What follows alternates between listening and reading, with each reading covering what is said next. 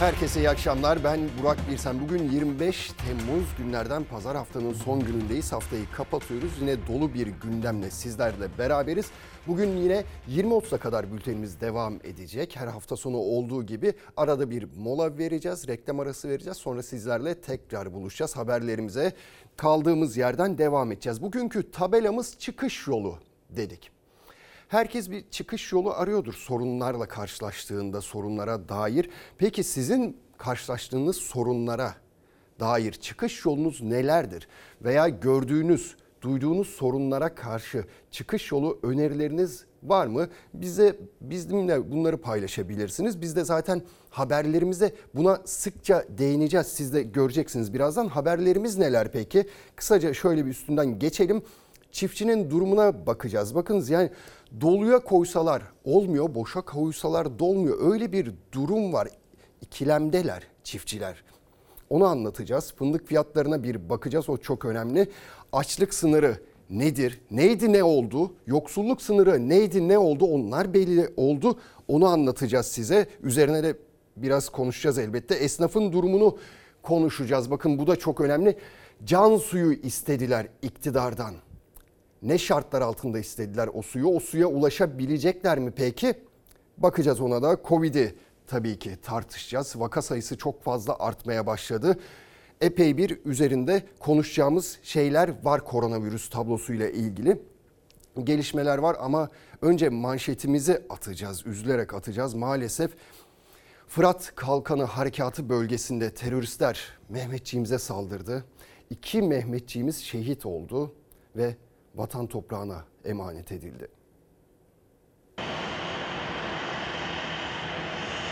Vatan sağ olsun, vatan sağ olsun. Acı haber sınırın öte yakasından Fırat Kalkanı Harekat Bölgesi'nden geldi.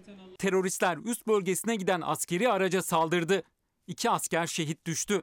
Tel Rifat bölgesindeki teröristlerse Afrin'e roket attı, 7 sivil yaralandı. Fırat Kalkanı harekatıyla terörden temizlenen Suriye'nin Elbap kentinde görevli güvenlik güçleri gece saatlerinde üst bölgesine seyir halindeydi. Askerlerin içinde bulunduğu kirpi aracına teröristlerce saldırı düzenlendi. Saldırıda Assubay Çavuş Fatih Güney ve sözleşmeli er Emre Harslan şehit oldu. İki asker de yaralandı.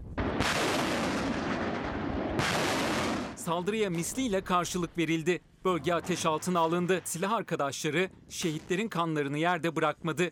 Milli Savunma Bakanlığı bölgedeki terör mevzilerinin yerle bir edildiğini ve en az 7 teröristin etkisiz hale getirildiğini duyurdu. Operasyona ilişkin fotoğraf paylaştı. Şehitlerin cenazeleri Gaziantep'te düzenlenen törenle memleketlerine uğurlandı. Şehit sözleşmeli er Emre Harslan, inşaat işçisi bir babayla işitme engelli bir annenin 7 evladından en büyüğüydü. Oğullarının şehadetiyle Samsun Vezirköprü'deki baba ocağı yasa boğuldu. Kardeşleri de acı haberi Ankara Karapürçek'teki evlerinde aldı. Askerdeki şehit bakıyordu bunlara hepsine. İşte şehit haberini alınca hepsi yıkıldı yani. Vatan Şehit Arslan bir yıldır nişanlıydı. Düğün hazırlıkları yapıyordu. 10 ay sonra Esra Akçay'la hayatını birleştirecekti. Bir sene oldu nişanlı tam bugün. Düğün ne zamanda acaba? Be seneye 5. aydaydı. Öğlenle konuştuk. Çalışıyorum demişti. Bir daha konuşmadık zaten. Şehit er memleketinde toprağa verildi. Şehit Assubay Çavuş Fatih Güney de orduluydu. Bekardı. 26 yaşındaydı. Erzincan'da özel harekat polisi olan kardeşi Aynur Güney, abisini Ordu Giresun Havalimanı'nda görev üniforması içinde karşıladı. Şehit Güney son yolculuğuna Akkuş ilçesine bağlı Akpınar mahallesinde uğurlandı. Öte yandan Fırat Kalkanı bölgesinde iki askerimizi şehit eden PKK'lı teröristler Afrin'de ise sivilleri hedef aldı. Tel Rifat'ta işgalini sürdüren terör örgütü Afrin kent merkezine 7 roketle saldırdı. 7 sivil yaralandı. Saldırıda sivil savunma merkezinde de hasar meydana geldi. Afrin, Türk askerinin Zeytin Dalı harekatıyla terörden arındırılmıştı. Şehitlerimize Allah'tan rahmet yakınlarına da bir kez daha baş sağlığı diliyoruz. Şimdi koronavirüs haberlerimize bir geçeceğiz. Çok önemli gerçekten. Yani her gün onlarca insanı kaybediyoruz bu salgın nedeniyle Ve bakınız yani daha bir ay olmadı. Normalleştiğimiz bir ay olmadı ve vaka sayıları tekrar hızlı bir şekilde yükselmeye başladı. Bakınız vaka sayısı dün 12.381'e ulaştı. Ve kontrolsüz bir şekilde normalleşmemizin sonucunda bu sayılar daha da artabilir. Eskiden olduğu gibi günlük vaka sayılarında 50 bini 60 bini görebiliriz belki de Ağustos ayında. Uzmanlar bunun için uyarıyorlar ve gerçekten çok kötüye gidiyor. Peki çözüm yolu nedir? Çözüm yolu elbette var ama önlem alacağız. Hep beraber önlem alacağız. Bakın Sağlık Bakanı Fahrettin Koca şu açıklamayı yaptı. Dedi ki tablo üzerine konuşuyor. Bu demektir ki yakın günlerde halen salgın şartlarında yaşadığımızı bugünkü sonuca yol açacak düzeyde unuttuk. Aşı ve tedbirlere tedbirle yeniden mücadeleye dönelim dedi. katlanarak vakalar artıyor. Bu e, yeni bir piki işaret ediyor. 12 bini aşan vaka sayısı sizi endişelendiriyor mu? Elbette. Yani çünkü sağlık hizmetlerine tıkanmasını getirir. Bu özellikle biz 50 bin 60 bin rakamlara geldiğimizde yoğun bakımlarda ve kliniklerde yatak bulma sıkıntısının olduğunu görüyorduk. Tablo giderek ağırlaşıyor. Her geçen gün artan vakalar endişe veriyor. Son iki ayın en yüksek vaka sayısına ulaştı Türkiye. Normalleşmenin üzerinden daha bir ay bile geçmeden bu tabloya ulaşıldı. Son 24 saatte 58 kişi daha hayatını kaybetti. 12.381 yeni vaka sayısıyla Türkiye salgında yeni bir zirveye hızla koşuyor. 50 bin 60 binli rakamları görür müyüz? Evet çünkü hataları tekrarlıyoruz. Aynı hataları geçtiğimiz yılı e, tekrar eden bir e, yanlış politika, sağlık politikası var. Bu rakamların tekrar sonbaharda 30 binli, 40 binli ve ocağa geldiğimizde de 60 binlere ulaşacağını göstergeler bize gösteriyor. Tedbirlerin kaldırıldığı 1 Temmuz'dan bu yana Türkiye'de vaka sayısı ikiye katlandı. Normalleşmenin ilk gününde 5 binlere kadar gerileyen vakalar dün akşam itibarıyla 12 bini aştı. Sağlık Bakanı Fahrettin Koca sosyal medya hesabından yaptığı paylaşımla bir hafta öncesine dikkat çekti. Yeni vaka sayıları bildiğimiz gibi ortalama bir hafta önceki temaslardan kaynaklanıyor. Bu demektir ki yakın günlerde halen salgın şartlarında yaşadığımızı bugünkü sonuca yol açacak düzeyde unuttuk. Aşı ve tedbirle yeniden mücadeleye dönelim. Tedbir çağrısını yineleyen koca hastaneye yatışların artabileceğinin de altını çizdi. Bayram öncesi yaşanan temasın sonucu bugün tırmanan vaka sayısının ise bir hafta sonra daha da artması kaçınılmaz. Bir hafta sonra bizi ne bekliyor? Bu rakamları e, en az ikiye katlayacağımız manasına gelir. Bir hafta 10 gün içinde, bir hafta 10 gün sonra bu rakamı 20 bin, 30 bin gibi görebiliriz. Salgın kontrolden çıktı mı bu rakamlara bakarsak? Salgın kontrolden çıkmış durumdadır Türkiye'de. Uzmanlar bayram tatili nedeniyle artan hareketlilik, tedbirlerin kaldırılması, aşılama hızının düşmesi ve delta varyantının etkisiyle Türkiye'de tablonun daha da ağırlaşmasından endişe ediyor. Yoğunluk arttı belli bölgelerde, özellikle sahillerde. Delta varyantı yüksek olan ülkelerden turist kabul ediyoruz. Rusya, İngiltere gibi. Bu kayıt dışı mültecilerin artmış olması. Yine hacdan dönecek olanlar var. Eğer böyle giderse 30 binli 40 binli rakamlarla tekrar kötü bir sonbahara e, sürükleneceğimizi görmüştük. E, bu konuda uyarılarımızı tekrarlıyoruz. E, çok dikkatli olunması gerekir. Pandeminin dördüncü pikiyle Türkiye karşılaşacak. Evet dördüncü pik gerçekten kapıda bekliyor bizi. Sayın Fahrettin Koca da bakın şöyle bir şey söylüyor. Mücadeleye dönelim diyor. Mücadeleyi biz ne zaman bıraktık? Aslında Sayın Fahrettin Koca bir yandan da mücadelenin bırakıldığını itiraf etmiş oluyor. Ama bizler isteyerek bırakmadık veya vatandaşlar isteyerek bırakmadı o mücadeleyi. Siz söylediniz, siz normalleşiyoruz dediniz. Her tarafı açtınız ve mücadeleyi demek ki bırakıldığını, sizlerin de bıraktığını, yönetenlerin de mücadeleyi bıraktığını kabul etmiş oluyorsunuz o açıklamanızda. Şimdi bakınız Profesör Doktor Ahmet Saltık da çok önemli bir açıklama yaptı. O da bir tweet paylaştı. Dedi ki derhal kısıtlamalara başlayın. Bu yangın büyür ve söndüremezsiniz. İkinci ve üçüncü dalga için de çok uyardık. Masum insanlar ölmesin. Salgını bilimsel, insani yönetin, ticari, politik, alaturka değil. Risk çok büyük. Uyanın diye bir tweet paylaştı. Gerçekten risk, risk çok büyük ve kendimize gelmemiz gerekiyor artık. Biraz kendimizi toparlamamız gerekiyor. Çünkü ekonomik olarak ya da ruhsal olarak tam olarak kapanabilir miyiz biz bu saatten sonra? Hiç sanmıyorum. pek sanmıyorum çünkü o yükü kaldıramayız. Dediğim gibi ne ruhsal olarak kaldırabiliriz ne ekonomik açıdan kaldırabiliriz. Bizi yönetenler de kaldıramazlar bunu ve peki okulların kapatılmasını göze alabilir miyiz? Bir neslin kaybolmasını göze alabilir miyiz? İşte tüm bunlar için bir çıkış yolu bulmamız gerekiyor. O çıkış yolda nedir? Türk Tabipleri Birliği mesela bir öneride bulundu. Onu da söyleyelim hemen. Ne dediler? Çıkış yolu olarak aşısı olmayanları kapalı mekanlara almayalım dediler.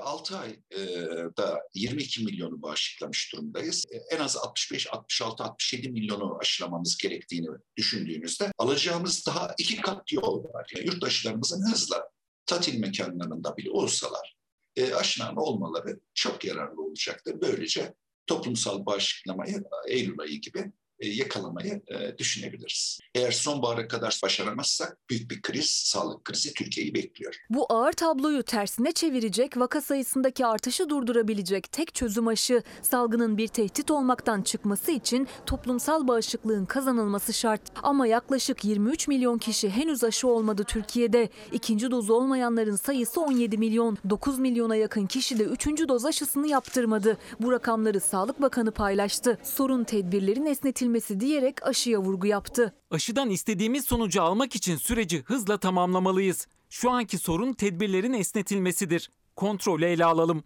Tedbirlerin esnetilmesi yine Sağlık Bakanlığı politikaları ile ilgili ve İçişleri Bakanlığı'nın politikaları ile ilgili. Kontrolü elbette ele almalı ama pandeminin üzerinden 18 ay geçmiş olmasına rağmen halen kontrolü ele alamıyorlarsa bu Sağlık Bakanlığı'ndaki zafiyeti gösterir. Aşılaması tamamlanan kişi sayısı 22 milyon 800 bin civarında. Aşı sırası gelen 18 yaş üstünün henüz %36,19'unun aşılaması tamamlandı. Vaka sayılarının hızla arttığı bu son dönemde aşılama hızı da düşüşte. Son e, bir hafta içinde aşılama hızı düştü. Biliyorsunuz ki günde 1 milyona kadar yaklaşan aşılama hızında yakaladığımız zamanlar oldu. Ama şimdi görüyoruz ki 300 binli rakamlarla devam ediyoruz. Özellikle Doğu ve Güneydoğu bölgesinde aşılama oranları çok düşük. Bakanlığın paylaştığı il il aşılama oranlarının yer aldığı haritada bu bölgeler kırmızıyla kaplı. Aşı olmak isteyen vatandaşlarımızın Aşılama oranının düşük olduğu illerden biri olan Bingöl'de mobil aşı ekipleri mahalle mahalle geziyor. Aşı olmayan ya da aşıya karşı ön yargısı olan kişiler ikna edilerek aşılama yapılıyor. Hanım olmuyor.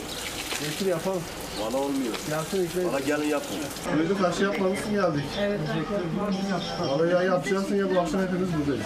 Türk Tabipleri Birliği ise aşı olmayan kişilerin kapalı alanlara alınmamasını önerdi. Uzmanların birçoğu da aynı fikirde. Özellikle aşı e, olmayan yurttaşlarımız diğer insanlar da riske ettikleri için ve toplumdaki bağışıklık düzeyini aşağı çektikleri için kapalı mekanlara girmeleri veya toplu olan yerlere girmelerinde e, sorun e, olduğu anlaşılıyor. Aşı olan kişilere bir pozitif ayrımcılık olarak onların kapalı mekanlara aşı sertifikalarıyla girmeleri istenebilir. Bu batıda uygulanmaya başlandı. aşısız insanların kamu hizmetlerinden ne ölçüde yararlanabileceği konusunda gündeme gelmelidir. Yani insanlara ben zorla aşı yapılmasına e, olumlu bakan birisi değilim.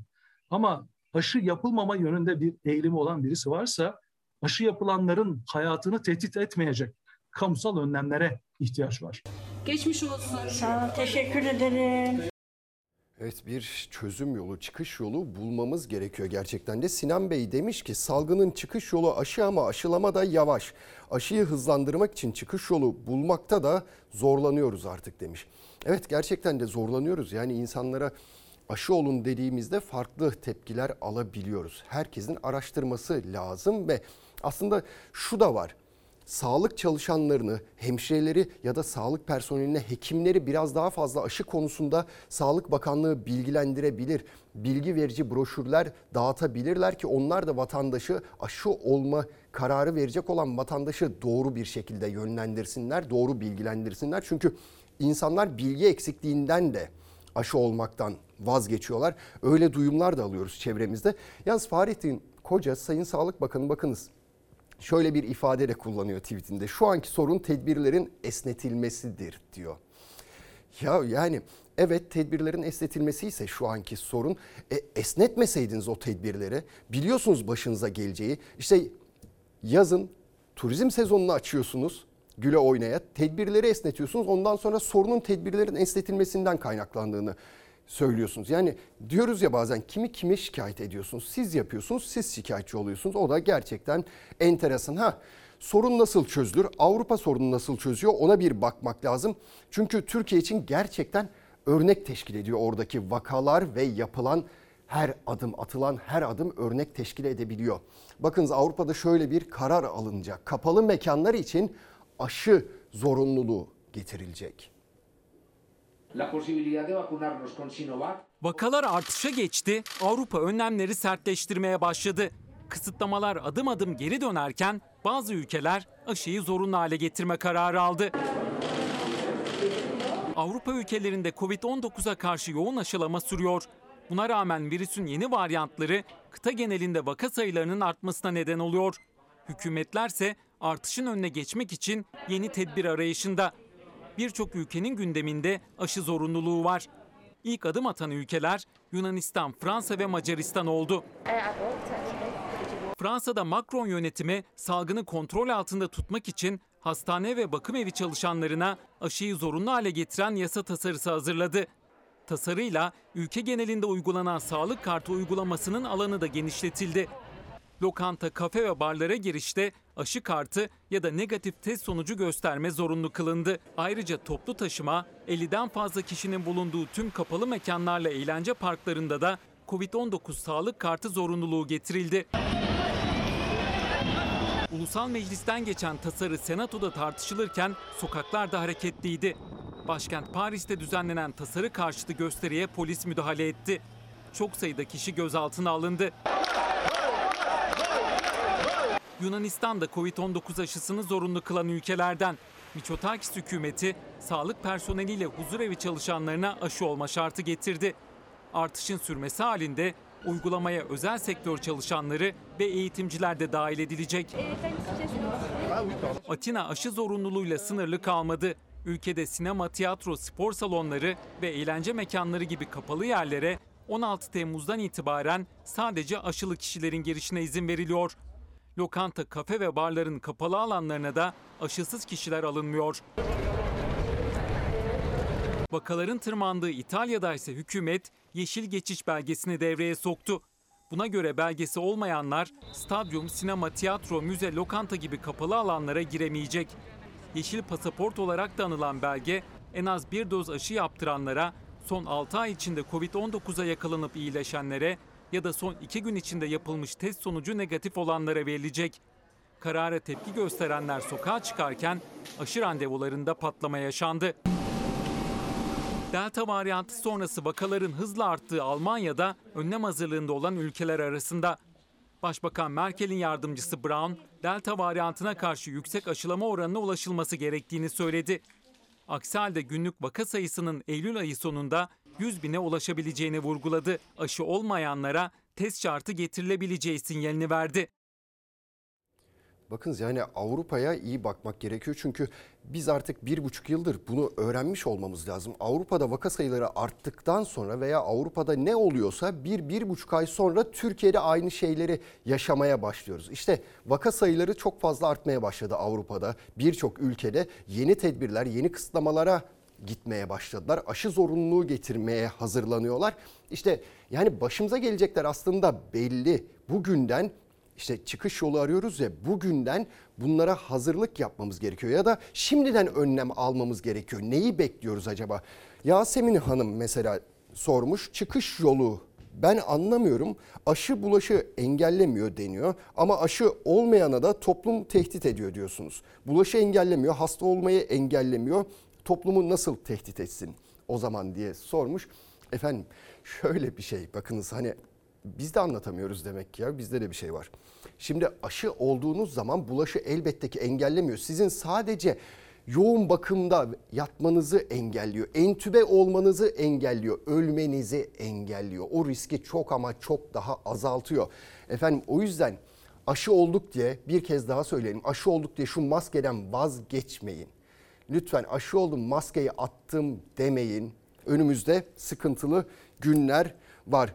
Şimdi bir hanımefendi getireceğiz ekranlarınıza. Nerede? Kırıkkale'de. Gezerken kendisi polis gördü. Maske falan yoktu yüzünde. Polis ısrarla maske takmasını istedi. Kendisi hayır olmaz dedi. Dedi ki polis 1050 lira ceza keseceğim. Cevap hadi buyur kes maske takmıyorum dedi. Yahu bu neyin inadı acaba?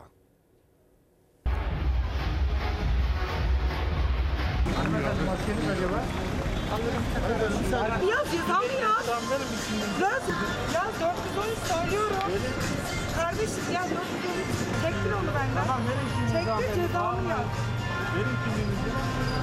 Al cezamı yaz. Maskesizlikten 1050 lira maske. Tamam bu kadar basit ya. Bu kadar basitti ona göre. Maske takmayı kabul etmeyen kadın polise cezamı yaz diyerek hem 1050 liralık cezayı hem de kendisinin olduğu kadar başkalarının sağlığıyla oynamayı da kabul etti.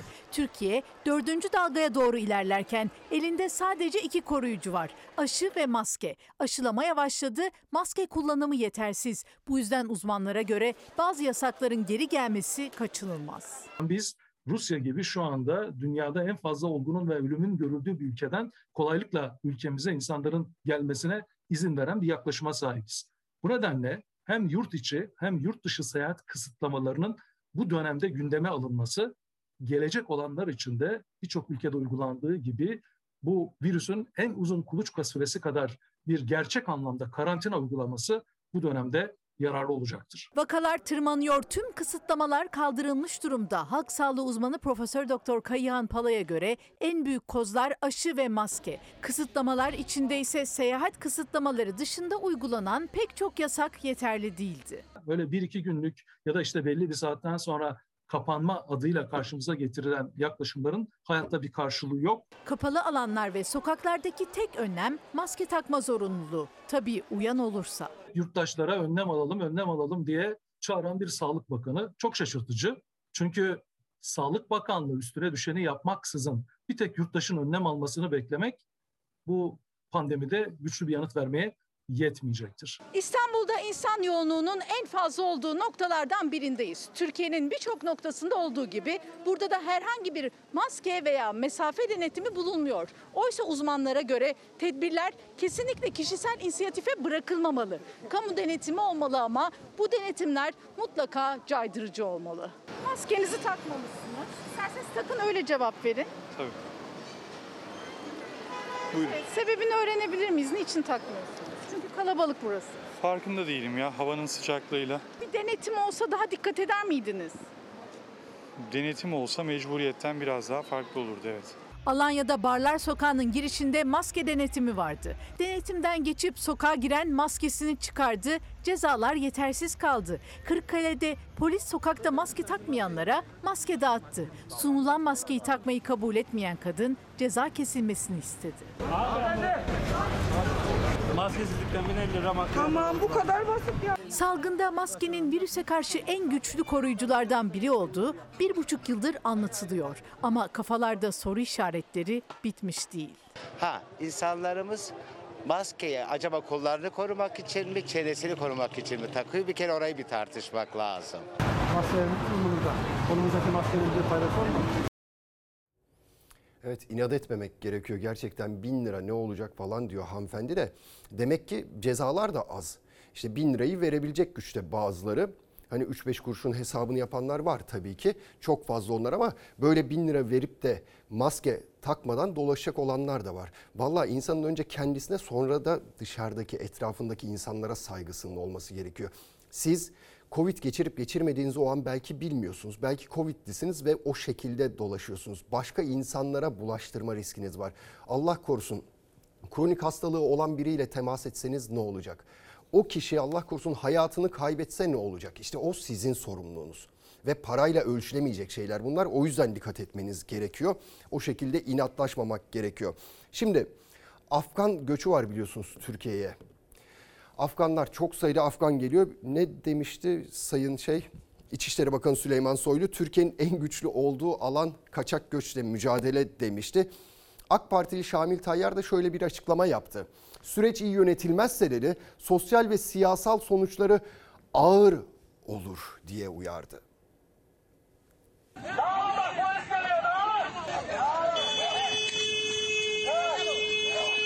Burası İstanbul. Önlem alınmaz ve sığınmacılar geri yollanmazsa çok daha kötü günler İstanbul ve Türkiye'yi bekliyor.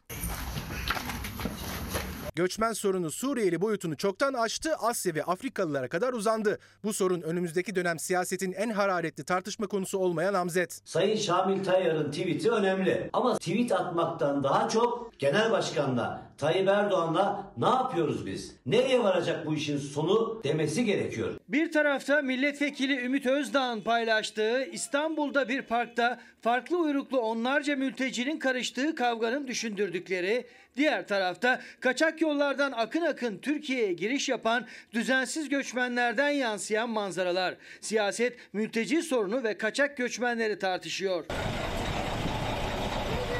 Türkiye'nin en güçlü olduğu alan kaçak göçle mücadelesidir. İzlediği politika yanlış, ne yaptıklarını bilmiyorlar. Sınırlarımız kevgire dönmüş durumda. Türkiye AK Parti yüzünden adeta mülteci, sığınmacı kampı haline getirilmiştir. Afganistan, Pakistan, İran ve Afrika ülkelerinden Türkiye'ye kaçak göçmen akını Suriyeli mülteciler üzerinden yaşanan tartışmayı daha da ısıtırken AK Parti içinden de ilk kez öz eleştiriyle birlikte uyarı sinyalleri geldi. MKYK üyesi Şamil Tayyar sorun Suriyeliler boyutunu çoktan aştı diyerek uyardı. Tam da İçişleri Bakanı Soylu'nun elektrooptik kulelerden sensörlü kameralara, radar sistemlerinden insanlı insansız hava araçlarına kadar bir dizi önlemle kaçak göçle mücadele en başarılı olduğumuz alan dediği sırada. Türkiye etrafımızdaki coğrafyada tüm olup bitene rağmen göçü yönetmekte, ecdadımıza, komşuluğumuza, asil milletimize yakışanı yapmaktadır. Fitneye, fesata, düşmanlığa fırsat vermeyeceğiz. Ensar retoriği sorunu tek başına tarife yetersiz. Süreç iyi yönetilmezse sosyal ve siyasal sonuçları ağır olur. İstanbul Milletvekili Ümit Özdağ bir parkta çok sayıda mültecinin kendi aralarında tekme tokat kavgaya tutuştuğu, güvenlik görevlilerinin yetersiz kaldığı anları paylaştı sosyal medya hesabından. Amerika Birleşik Devletleri Türk askerinin Afganistan'a gitmesini istiyor. Avrupa Birliği mültecilerin Türkiye'de kalmasını istiyor. AK Parti tamam diyor. 128 milyar dolarımız buharlaştırıldı. AK Parti 3-5 kuruş için maalesef Türkiye'yi bu hale düşürdü. Ve burada da bir gerçekle yüzleşmek gerekiyor. Bugün Türkiye'de yüz binlerce işletme kayıt dışı, güvencesiz bir şekilde Suriyelileri, Afganları çalıştırıyor. Olan bir yerden sonra bizim Türk çalışanımıza oluyor. Bu işin bu tarafına hiç bakmıyoruz. Mülteci, kaçak göçmen krizi Türkiye'nin bugününe olduğu kadar yarınına da damga vuracak en kritik sorunlardan biri olarak karşısında duruyor. Evet yani bugünümüze de yarınımıza da damga vuracak sorunlardan biri çok doğru bir söz. Ve bakın Şamil Tayyar sosyal ve siyasal, siyasal sonuçları ağır olur diyor bu yönetilemezse. Gerçekten de olabilir mi? Olabilir çünkü bakınız ekonomimiz çok fazla iyi değil. İşsizlik her geçen gün biraz daha artıyor. Ve yani böyle bir ortamda sürekli ülkemize Suriyeliler geliyor. Sürekli Afgan vatandaşları geliyorlar ve biliyorsun Suriyeli ve Afgan vatandaşları ülkemizde ucuz iş gücü olarak kullanılıyorlar, çalıştırılıyorlar ve işte işsizliğin arttığı böylesi bir dönemde o insanların Türkiye'ye gelip de çalışmaları, iş bulmaları başka rahatsızlıklar doğurabilir. Belki de Şamil Tayyar bunlara dikkat çekmek istiyordur. Önemli bir konu. Gerçekten de ileride yani önümüzdeki süreçte sıkça gündeme gelecek bir konu. Şimdi yine esnafla devam edeceğiz. Esnafın durumunu biliyorsunuz. İşte bir buçuk yıllık pandemi sürecinde yani kan ağladılar desek doğrudur. Çünkü işte kapat iş yerini kapatanlar oldu, o oldu, bu oldu. Şimdi TESK Başkanı da bende bir palan döken 13 yıl aradan sonra can suyu kredisi istedi esnaf için. Ama Sayın Palandöken çok fazla detaya girmedi. Neden buna gereksinim duyduklarını anlatmadı. Sadece işte sıfır faizle kredi verilsin, 6 ay ödemesiz olsun ve uzun vadelere yayılsın dedi. Ama bu noktaya nasıl gelindiğini veya şu an mevcut durumlarının ne olduğunu, esnafın ne olduğunu buna girmedi kendisi. Peki buna kim girdi? Buna muhalefet girdi. Detayları onlar verdi. Veli Ağbaba CHP Genel Başkan Yardımcısı o da şunu açıkladı bakınız. İflas eden esnaf sayısı %94 arttı bir ayda. Kapanan şirket sayısı %116 arttı. yılın ilk 6 ayında Esnaf ve Sicil Gazetesi verilerine göre iflas eden esnaf sayısı tam 47.572 oldu. İyice borca batan esnaf çaresiz hissetmekte kendini. İşte 16 ay, 15 ay kapalı kalan iş yerlerinin açılması için de böyle bir can suyuna ihtiyaç var. Pandemi öncesi durum söz konusu değil esnafta. Yani halen bir düzelme yok. Çok iş yeri kapatan oldu. Siyasetin de esnafın da rakamların da dili aynı. Esnaf zorda. Türkiye normalleşti ama esnaf normalleşmedi. Hala eski günlerini arıyor. Kasalar boş. CHP'li Veli Ağbaba iflas eden esnafın sayısını paylaştı. Son 1 ve 6 aylık rakam düşündürücü. TESK Başkanı Bendevi Palandöken ise esnafa can suyu istedi. Mayıs ayında sicilden ve meslekten telkini yaparak iflas eden esnaf sayısı 3893 iken Haziran'da bu oran %94 artarak 7568'e ulaştı. Sabah kalkıyoruz borç, akşam kalkıyoruz borç. Oturduğumuz yerde zarardayız biz. Kapanan şirket sayısı 556 iken Haziran ayında %116 artışla 1226'ya çıktı. Pandemi sürecinde en çok zorlanan kesim oldu esnaf. Dükkanını bir açıp bir kapatmak zorunda kaldı. Faturalarını, kiralarını, vergi ve prim borçlarını ödeyemez hale geldi. Öyle ki son 6 ayda neredeyse bir ilçe nüfusu kadar esnaf iflas etti. Ekmek teknesinin kepenklerini kapattı, kilit vurdu. Bir buçuk senedir kilit vurmuşuz. İşçilerden kötü durumdayız. Bir buçuk senede çok borca girdik. Onu çıkartmak en az 5 sene sürer. Biz onlara kredi verelim. Onlar bir dükkan açsınlar, işletebiliyorlar mı görelim. Veli Ağbaba iflasların kitlesel işsizlikte patlamaya neden olabileceğine dikkat çekti. Palandöken de pandeminin cefasını esnaf çekti. Bir an önce ayağa kaldırılmalı derken çare sıfır faizli, 6 ay geri ödemesiz ve uzun vadeli can suyu kredisi dedi. Bu para tekrar ekonomiye kazandırılacak. Ödeyemedikleri kira borçlarını, yine vergi borçlarını, sosyal güvenlik primlerini açığı kapatacaklar. Türkiye'de her 100 KOBİ'nin 84'ü bankalara borçlu. BDDK verilerine göre KOBİ'lerin bankalara olan toplam borcu 950 milyara yaklaşmış durumda. Önümüzdeki dönemde Türkiye'de toplu iflas etmelerle karşılaşabiliriz. Mutlaka tedbir alınması gerekiyor. Can suyu kredisi olmazsa olmaz diyen TESK Başkanı 2008'i hatırlattı. O tarih esnaf için verilen can suyu kredisinin son verildiği tarih. Aradan geçen 13 yılda bir daha hiç verilmedi. Pandeminin esnaftaki yaralarının sarılması, biriken borçların ödenmesi, ekonominin canlanması için iktidara seslendi Palandöken. 15 yıl aradan sonra faizsiz kredi verilmek suretiyle hibe değil, kazan kazan modeliyle işte ekonominin canlanması olacak. Eğer can suyu kredisi verilmezse yıl sonuna doğru toplu iflasları görmek için kain olmaya gerek yok. Bakalım yönetenler bir çıkış yolu bulabilecekler mi? Ekonominin bu gidişatını tersine çevirmek için ya da en azından durdurabilmek için bir çıkış yolu bulabilecekler mi? Önemli. Geçenlerde böyle bir şeyler karıştırırken dikkatimi çekti. Sayın Cumhurbaşkanı 2011 yılında 2023 Türkiye vizyonu belgesini açıklamıştı. Bakınız 2011 yılında 2023 vizyonu açıklanıyor. O zaman vizyonumuz neymiş? Yani ne olması isteniyormuş ve bugün ne aşamada? Sizinle de paylaşmak istedim. Bakınız Türkiye 2023 yılına geldiğinde kişi başına gelir 25 bin dolar olacak denmiş. Bugün ne kadar? 8500 dolar civarında.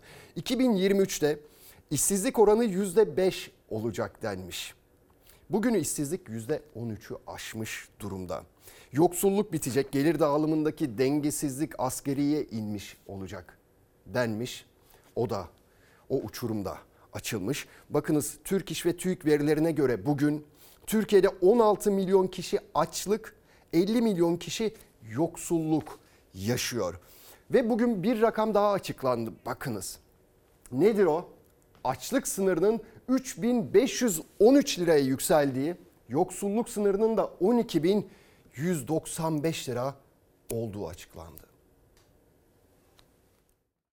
Giderken korkuyla gidiyoruz. Peynir, zeytin, etin yanına zaten varılmıyor. Ondan hiç bahsetmek istemiyorum.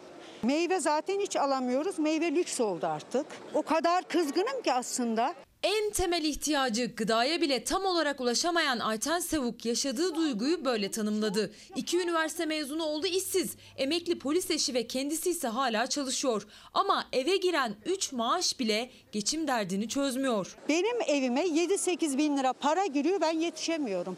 Ay başına borçlu çıkıyorum kredi kartlarına. Diğer insanlar ne yapıyor ben onu düşünemiyorum. Kamu işçilerine yıllık 60 lira ile 100 lira arasında zam teklif ettiler. Korkunç, komik. Hiç bunu teklif ederken utanmıyorlar mı? Birleşik Kamu İş Sendikası da tepkili bu zam teklifine. Çünkü onların hesabı çok farklı. 4 kişilik bir ailenin son bir yılda açlık sınırı 622 lira, yoksulluk sınırı ise 1791 lira arttı. Ben şimdi yalnızım. Ailem memlekete gitti, tatile gitti. Yani bir ayda herhalde bin lira harcamışımdır. Bir kere çamaşır makinesi çalıştı, 100 lira elektrik faturası. 500 okula veriyorum. 650 kişi başı kiraya veriyorum her ay. Kendi harcamam 400 falan olsa yani 2000 TL'ye yakın para gidiyor. Biz artı e, okulda giderken part time de işe gitmek zorunda kalıyoruz. Sırf para yetiştirebilmek için. Ailemiz yetiştiremiyor. Bütün arkadaşım ve çevrem sağlık sektöründe bu pandeminin kahramanlarından hepsinin borcu var. Benim sadece mutfak masrafım 1000 lira.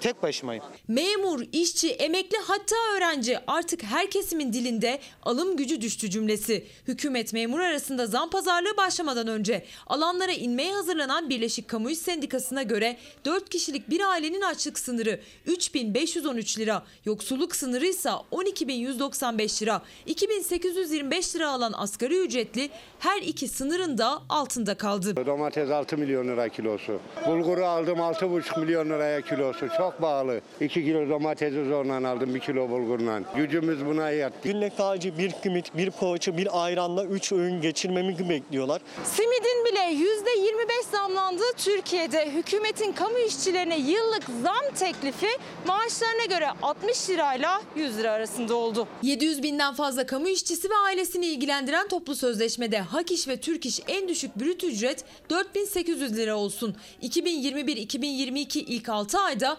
%20, diğer 6 aylar için enflasyon farkı artı %3 refah payıyla pazarlık masasına oturmuştu ama hükümet 100 lirayla 60 lira seyyanen zamla yılın ilk 6 ayı için %9, ikinci 6 ayı için de %5 artı enflasyon farkı teklif etti. Hani biz bu teklifi yapıyoruz. Utanmıyorlar mı? Yüzleri kızarmıyor mu bunların? Geçen gün bir markete girdim. En markasız yağ 21 TL'ydi. O 1 litre yağ zaten aldığın zaman 2 bardak ya. Aileler geçim derdine düşünce çocukların da gündemi ekonomi oldu. Biz bu yaşta gençliğimizi yaşayacağımız yerde, mutlu olacağımız yerde biz artık evimize giren ekmeği düşünüyoruz. Evet gençler gerçekten hayal kuramıyorlar. Hayal kurmayı unuttular. Gençlerimize hayal kurdurmamız gerekiyor. Bu yaşta daha işte lise çağında üniversite okurken onlar evlerine ekmek götürmeyi düşünmemeleri gerekiyor. Bakınız yoksulluk sınırı 12.195 lira. 4 kişilik bir ailenin yoksulluk sınırı. İşte giyim, kuşamı ve boğaz tokluğu var bunun içinde. Ekstra bir şeyler yok. Fazlası yok. Bakınız 4 kişilik bir aileden 4'ü birden asgari ücrette çalışsa ne ediyor biliyor musunuz? 11.380 lira ediyor. Asgari ücrette bakın 4'ü birden çalışsa yine şu yoksulluk sınırını aşamıyorlar. Hatta o sınıra ulaşamıyorlar bile. Bakın hükümette şimdi işçiler zam pazarlığı yapıyorlar kamu işçileri. Zam pazarlığı 700 binden fazla işçiden bahsediyorum. Onlara iktidar ne teklif etti biliyor musunuz? Maaşlarına göre. Bazısına 60 lira seyyanen zam, bazısına 100 lira seyyanen zam teklif etti. Peki açlık sınırı 7 ayda ne kadar arttı? 367 lira arttı. El insaf demek istiyor. Biraz vicdan demek istiyoruz ve insanları biraz daha rahatça yaşamaya, bir konfor alanı yaratmaya yönetenler mecbur. Çünkü onlar bizleri yöneten kişiler. Şimdi vaka sayılarına bir bakacağız. Yeni tablomuz geldi çünkü. Yeni vaka sayısı. Bir bakalım. Evet vaka sayısında evet gerçekten de çok fazla bir artış var. Dün neydi? 12.381 vakamız vardı. Bugün 14.280 vaka var. Çok fazla artış. İşte durum kötüye gidiyor diye boşuna söylemiyoruz. Vefat sayısı 55 yine çok fazla. Allah rahmet eylesin. Yine çok fazla. Dün 58'di.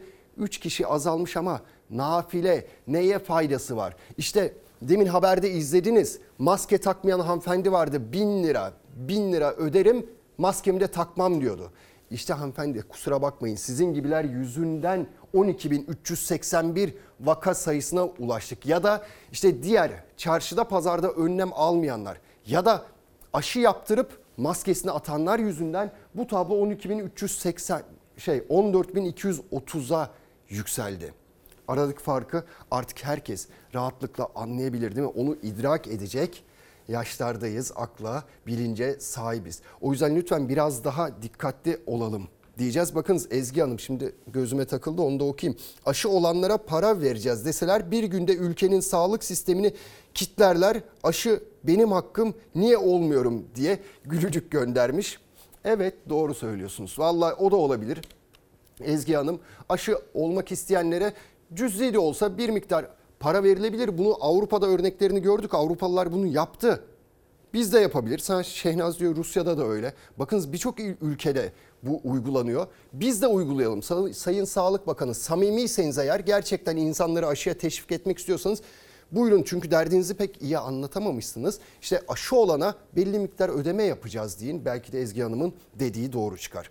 Şimdi kısa bir reklam arası vereceğiz. Sonra 20.30'a kadar habere devam edeceğiz.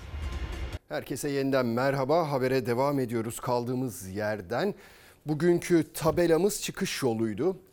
Çıkış yolu bulabilir miyiz diye yola çıkmıştık. Bizde bir izleyicimiz demiş ki aşı açıklanan vaka sayılarının ne kadarının aşısız olduğu açıklanmalı. Bu ayrıntı açıklanmazsa bazı insanlar aşıyı reddetmeye devam edecektir diye bir yorumda bulmuş. Evet aslında yani onu da yapı, yapabilir bakanlık kaç kişi aşılandı, ne oldu, ne bitti? Vefat edenler arasında öyle bir durum söz konusu mu? O istatistikler de belki de paylaşılabilir. Şimdi fındık üreticilerine bir değineceğiz. Onlar endişeliler. Neden endişeliler? Çünkü bakınız yaklaşık 15 gün önce bir rekolte araştırması yapıldı. Düşük bulundu rekolte, fındık rekoltesi. Yani nedir o? Ürünün toplamı. Türkiye'de üretilen ürünün toplamı düşük olduğu sonucuna varıldı. Peki bu ne demek oluyor? Fiyatı yükselecek o zaman düşük olursa. Peki 15 gün sonra ikinci bir rekolte araştırmasından daha başlandı. Bir iki gün içinde o da sonuçlanacak. Ve endişeliler yüksek çıkar mı çıkmaz mı diye endişe ediyorlar. Neden etsinler ki? Neden etsinler ama işte bu nasıl iş diye de sorduruyorlar.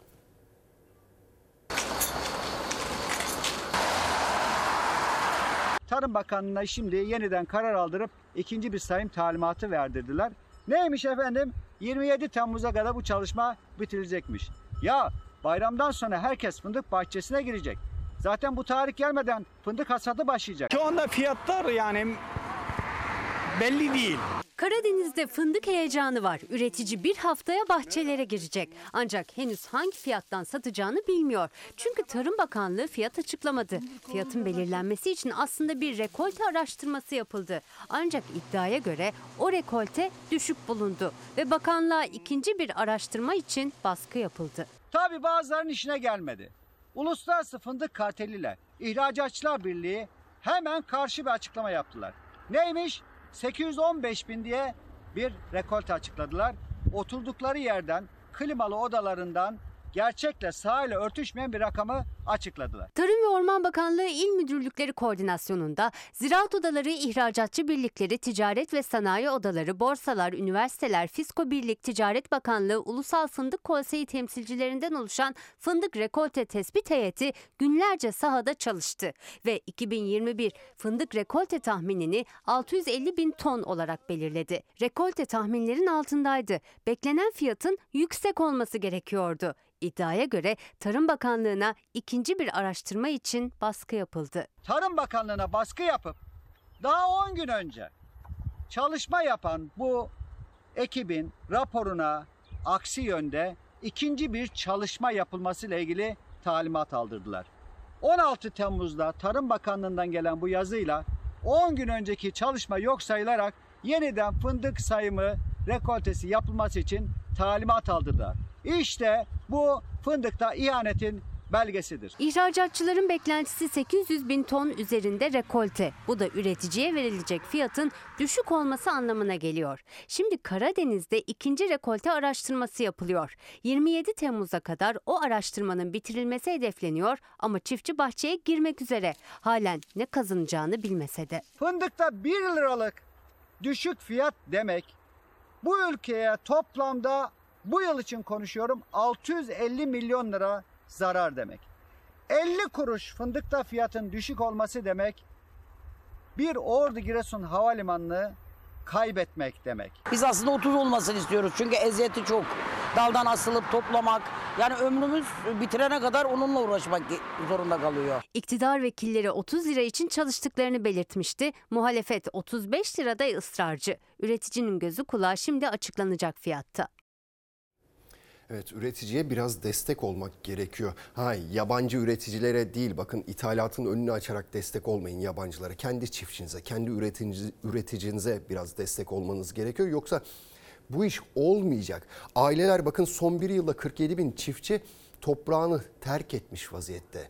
Artık bu işi yapmıyorlar. Büyük bir sıkıntı var. Şimdi size Aydın'a götüreceğim. Bozkurt ailesi. Onlar da çiftçi. Onlar da çiftçiler ve bakınız iki ucu keskin bıçak derler ya. Durumları tam da öyle. Neden öyle diyeceksiniz? Çünkü Bozkurt ailesi çok fazla kazanamadığı için bu işten çocukları da çiftçilik yapsın istemediler. Okusun, iş bulsun istediler. Çocukları okudu. Okudu da iş bulabildi mi? O da iş bulamadı. Kendinizi bildiniz bileli. Bahçede misiniz? Evet, devamlı bahçedeyiz. Tütün dikmeye gidiyorduk, zeytin toplamaya, kiraza. Burada büyüdük. Köyde olmaktan da çok mutluyum. İşi yapmayı da çok severek yapıyoruz. Zaten sevmesem bu işin ne zevki olur. Olmaz mı? Olmaz. Neden? Kazancından mı? Kazancından kazı kazandığımız aynı yömiyemizi kurtarıyor da işte değil. Üzüm, patlıcan, biber, karpuz, börülce, fasulye, kiraz, bamya, dut. Bahçede yok yok. Bu çeşitliliğin karşılığı ancak yemiye. Bozkurt ailesi sayısı günden güne azalan aile çiftçilerinden. Onlar da binlercesi gibi bu geleneği geleceğe aktaramayacağı benziyor. Siz istemez misiniz iki kızınızın tarlada çalışmasını? Çalışsın istemem. Neden? Çünkü biz emeğimizin karşılığını zor alıyoruz. Dünya tarımında aile çiftçiliğinin önemi büyük. Hatta Birleşmiş Milletler 2014 yılını aile çiftçiliği yılı ilan etmişti. O yıl Türkiye'de SGK verilerine göre 864 bin kişinin tarım sigortası vardı. 2020 yılı sonunda 547 bine düştü. Şu küçük bamyalar yemek için toplanıyor, bu büyük olanlar ise tohum için saklanıyor.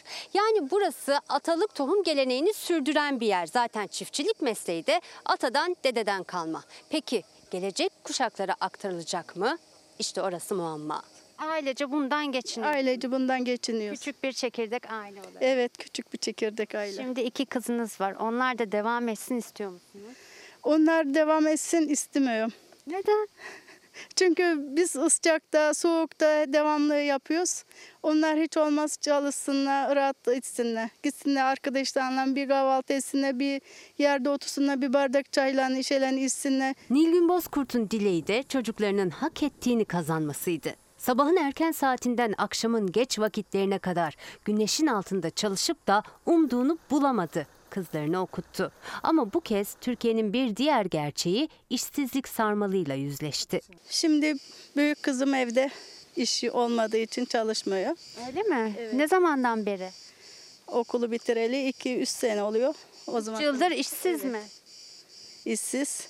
Severek ter döktüğü toprağından kazanamayan, üstüne bir de köyünde sosyal imkanlara ulaşamayan on binlerce çiftçi aileye sadece bir örnek Bozkurt ailesi. Arzuları mümkünse doğdukları yerde güzel ve bereketli bir gelecek ama o arzular kalplerinde hayatın gerçekleriyle mücadele içindeler. Bizim atamızın emanet ettiği topraklara yani terk etmeyi de iş etmeyi düşünmedim yani. Gittiği kadar gider dedim yani. Nereye kadar? Nereye kadar onu da biz bilemiyoruz yani. Önümüz gözükmüyor yani. Evet çiftçiler önünü göremiyorlar. Gerçekten bu endişe verici. Ama tabii iş dönüş dönüp dolaşıp nereye geliyor? İşte milli ve yerli olabilmeye geliyor bu tarım alanında. Peki biz milli ve yerli miyiz? Hayır her şeyimiz dışa bağımlı. Tohumumuz özellikle dışa bağımlı. Dışarıdan geliyor. İthal tohumla üretim yapıyoruz. İşte gübremizdir, odur buludur, ilaçlarıdır. Hepsi dışarıdan geliyor, ithal ediliyor ve aslında bizim bunun önünü bir kesmemiz gerekiyor. Başka türlü yerli ve milli olamazsak tarımda daha büyük acılar çekeriz ve bu tüm Türkiye'ye sirayet edebilir. Buna özen göstermemiz gerekiyor. Şimdi size Ankara'ya götüreceğim. Ankara'da nereye gideceğiz? Atatürk Orman Çiftliği'ne gideceğiz. Çok değerli. Çok kıymetli bir yer. Türkiye için öyle çünkü Ulu Önder Büyük Atatürk'ün bizlere bıraktığı miras orası. Atatürk Orman Çiftliği. Bugün korkuttular bizi. Niye? Yangın çıktı. Burası Ankara Zırhlı Birlikler Hatıra Ormanı ile Atatürk Orman Çiftliği arazilerinin tam böyle kesişiminin olduğu bir arazi. İtfaiye müdahale etmesine rağmen rüzgarın etkisiyle zaman zaman alevler yeniden yükseliyor. Ankara'nın sınırlı alandaki ağaçları bir anda alev aldı. Eskişehir yolu üzeri duman altında kalırken itfaiye Orman Bakanlığı ekipleri çam ve meşe ağaçlarını kurtarmak için zamanla yarıştı. İtfaiye sık sık müdahale ediyor ama onların söndürdükleri yerden alevler bir kez daha yükseliyor. 11.30'da geldi ilk ihbar. En kısa mesafedeki Orman Bakanlığı ekipleri geldi önce. Sonra da itfaiye. Büyükşehir Belediye Başkanı Mansur Yavaş da yangın yerindeydi. Buralarda bir yerde alev gören bir vatandaş bana ihbar etti. Hemen ben de itfaiye haber verdim. Hemen geldiler ama rüzgarın etkisiyle çok çabuk yayılmış. Büyükçe bir alan var ama dört bir, e, yandan birden müdahale ediliyor şu anda. 100 dönüm arazi alevler arasında kalırken Eskişehir yolu da duman altındaydı. Araç trafiği tehlikeye girdi. Otobandan falan girişleri de biraz sıkıntılı. Araçlar girsin diye otoban kenarındaki korkuluklar kesildi. Hem karadan hem de havadan müdahale hızlandı ama rüzgar ekipleri zorladı. Ankara'da kalan nadir ormanlık alanlardan Atatürk Orman Çiftliği arazisinin üzerindeyiz. Aslında otların tarafında başlayan yangın rüzgarın da etkisiyle ağaçların arasına doğru girdi. Ama itfaiyenin hem karadan hem de havadan müdahalesiyle neyse ki ağaçların çoğu kurtarılmış durumda. Atatürk Orman Çiftliği arazisinin farklı noktalarında başlayan yangın neden çıktı belli değil. Akli dengesinin yerinde olmadığı iddia edilen bir kişi gözaltına alındı. Polisin detaylı araştırması sürüyor. Neden çıktığı henüz belli değil. Ben bu vesileyle vatandaşlarımızı uyarıyorum. Çok sıcakların yaşandığı bu günlerde yol kenarından bile atılan bir izmarit felakete neden olabiliyor. Altından umarız başka bir şey çıkmaz. Şimdi SMA'lı çocuklarımız var biliyorsunuz ve tek bir şey soruyoruz artık. Seslerini duyan var mı? Yurt dışında ilacı ücretsiz olarak bunun altını özellikle çizmek istiyorum. Ücretsiz olarak 19 ayda ülkemize getiremediğimiz ilacı 19 günde yurt dışında aldı. Yiğit bebek ilacına yurt dışında ücretsiz kavuştu. Tezcan ailesi Yiğit için toplanan tüm parayı bir başka SMA hastası Zeynep Sare bebeğe devretti. SMA hastası Yiğit Tezcan'ın babası Fikri Tezcan uzun bir hukuk mücadelesi vermiş ve ilacı Sağlık Bakanlığı'nın yurt dışı ilaç listesine aldırmıştı. Ancak ilaç Türkiye'ye gelmedi. Zaten gelse bile ödeme listesine alınmamıştı. Eşinin doğup büyüdüğü Avrupa ülkesinde karşılarına bambaşka bir olanak çıktı. Yiğit bebek ilacına ücretsiz kavuştu. Evladımız Yiğit ilacına kavuştu. Çok şükür elhamdülillah. Gelelim toplanan tüm bağışlara. Biz sonuç itibariyle ücretsiz aldık. Evladım ilacı alır almaz daha birinci saatinde Zeynep Sare kızımızın babasını aradım ve toplanan tüm kampanyadakileri gerek yurt içinde gerek yurt dışındakilerin hepsini kendisine aktaracağımızı kendisine söyledim. Evladımız Yiğit ilacına kavuştu. Çok şükür elhamdülillah. Gelelim toplanan tüm bağışlara.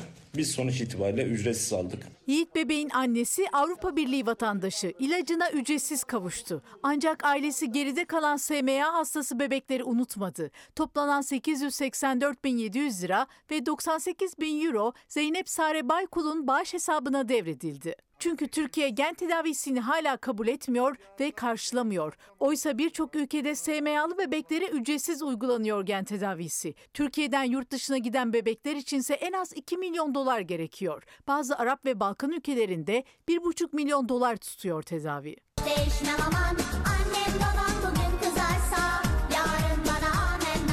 Zeynep Sare Baykul kampanyasının tamamlanacağı günü bekliyor şimdi. Diğer SMA'lı bebekler gibi 17 aylık kumsal Dağışan'da artık yoğun bakım ünitelerinde geçen günlerin bitmesini, rahatça nefes alabileceği günlerin gelmesini bekliyor. Kumsal içinde zaman hızlı akıyor ve tekrar yoğun bakıma kaldırıldı. Dualarınızı kumsaldan esirgemeyin. Seneye de kızımın koşup diğer çocuklar gibi oynamasını istiyoruz. SMA tip 1 hastası Didem Demir de yurt dışında tedavi olabilmek için gelecek yardımları bekliyor. Niye benim evladımı görmüyorsunuz, duymuyorsunuz? Niye? Kaybediyorum ya. Kaybediyorum. Avucumun içinden kayıp gidiyor. Ne olur Didem'e uzattığınız elleri geri çekmeyin. Didem'in sizlere ihtiyacı var. Didem'in ne olur yanında olun. Tokyo Olimpiyatları başladı. Türkiye ilk madalyalarını aldı. İlk sevincini yaşadı. Ve geliyor olimpiyat Maşallah. madalyası. Tebrikler. Hakan Tebrikler Hakan. Tebrikler. Ve Tamam. geldi. Evet, tebrikler olimpiyat Hatice, madalyası. evet. İki peş tane peşe. olimpiyat madalyası, İki evet. olimpiyat madalyası. Maşallah, tebrikler Peş Hatice. peşe geldi. Olimpiyatta ilk madalyalar tekvandoda geldi. Yüzler güldü. Filenin sultanları son olimpiyat şampiyonunu yendi. Başarılarına bir yenisini daha ekledi. Yüksek top. Ve dışarı gidiyor. Çin'i deviriyoruz. 3-0 mağlup ediyoruz. Koronavirüs salgını nedeniyle bir yıl gecikmeli düzenlenen Tokyo Olimpiyat Oyunlarından güzel haberler peş peşe geldi. Herkesi sevindiren ilk habere A milli kadın voleybol takımı imza attı. Nasıl sevinmesinler? Son olimpiyat şampiyonu. Hiç varlık gösteremeden devriliyor sevgili seyirciler. Filenin sultanları olimpiyattaki ilk maçında son şampiyon Çin'le karşı karşıya geldi. Rakibine sahayı dar etti. Son olimpiyat şampiyonunu set vermeden 3-0 yendi. Çin'i deviriyoruz. 3-0 mağlup ediyoruz. Hem de ne mağlup etmek. Türkiye'nin heyecanla beklediği madalya haberi ise tekvandodan geldi. Tokyo'daki ilk madalyayı 68 kiloda mindere çıkan Hakan Reçber kazandırdı. Müthiş bir yumruk ve şimdi geldi puan. 21 yaşındaki Reçber çeyrek finalde yenildiği rakibinin finale çıkmasıyla yakaladı madalya şansını. Önce Yeni Zelandalı ardından Bosna Hersekli rakiplerini yendi. Olimpiyat üçüncüsü olarak bronz madalya kazandı. Hakan madalyasını boynuna takacak. Bravo Hakan Eşber. Günün ikinci madalyası Hatice Kübra İlgün'den geldi. 57 kiloda mücadele eden İlgün de çeyrek final maçını kaybetti. Onu yenen Amerikalı sporcu finale çıkınca madalya mücadelesine çıktı. Ve aldık. 2 puan evet. 3 puan. 6-3. 29 yaşındaki İlgün önce Faslı rakibini yendi, ardından mültecilerden kurulan takım adına yarışan İranlı sporcuyla karşılaştı. Rakibini yenip Türkiye'ye olimpiyat oyunlarındaki ikinci bronz madalyayı kazandırdı. Ve geldi. Evet tebrikler Olimpiyat Hatice. madalyası. Türk bayrağıyla minderde zafer turu atan genç sporcu gözyaşlarını tutamadı. Kariyerinin ilk olimpiyat madalyasını kazanıyor. Hatice Kübra İlgün. Evet, tüm sporcularımızı kutluyoruz, tebrik ediyoruz. Özellikle de Hakan Reçber, Hatice Kübra İlgün ve filenin sultanlarını. Tabii önlerinde daha uzun bir yol var. Umarız daha fazla madalyalar gelir, daha çok sevindirirler bizi. Çünkü ülke olarak buna ihtiyacımız da var gerçekten de. Bir de tweet okuyalım. Abdullah Bey yazmış, çıkış yolu tek cümle demiş, güven. Gerçekten de öyle. Biz de burada zaman zaman güvenden çok bahsediyoruz. Haklısınız. Güven önemli. Güven olmazsa çünkü hiçbir şey olmaz. İşte aşı konusunda da güven önemli. Bu virüs konusunda da güven önemli. Ekonomi konusunda da güven önemli. İşte güven olmazsa bazı şeyler tam olarak olmuyor demek ki. Şimdi kısa bir reklam arası vereceğiz yine. Dönüşte beraber olacağız. Fox Ana Haber Bülteni'ni burada noktalıyoruz. Bizden hemen sonra Türk sineması var ve yarın akşam saat 19'da Gülbin Tosun sizlerle olacak. Güzel bir hafta geçirmenizi diliyorum. Umarım yeniden buluşuncaya dek yüzünüzü güldüren güzel haberler alırsınız. Hoşçakalın. Bir başkadır benim memleketim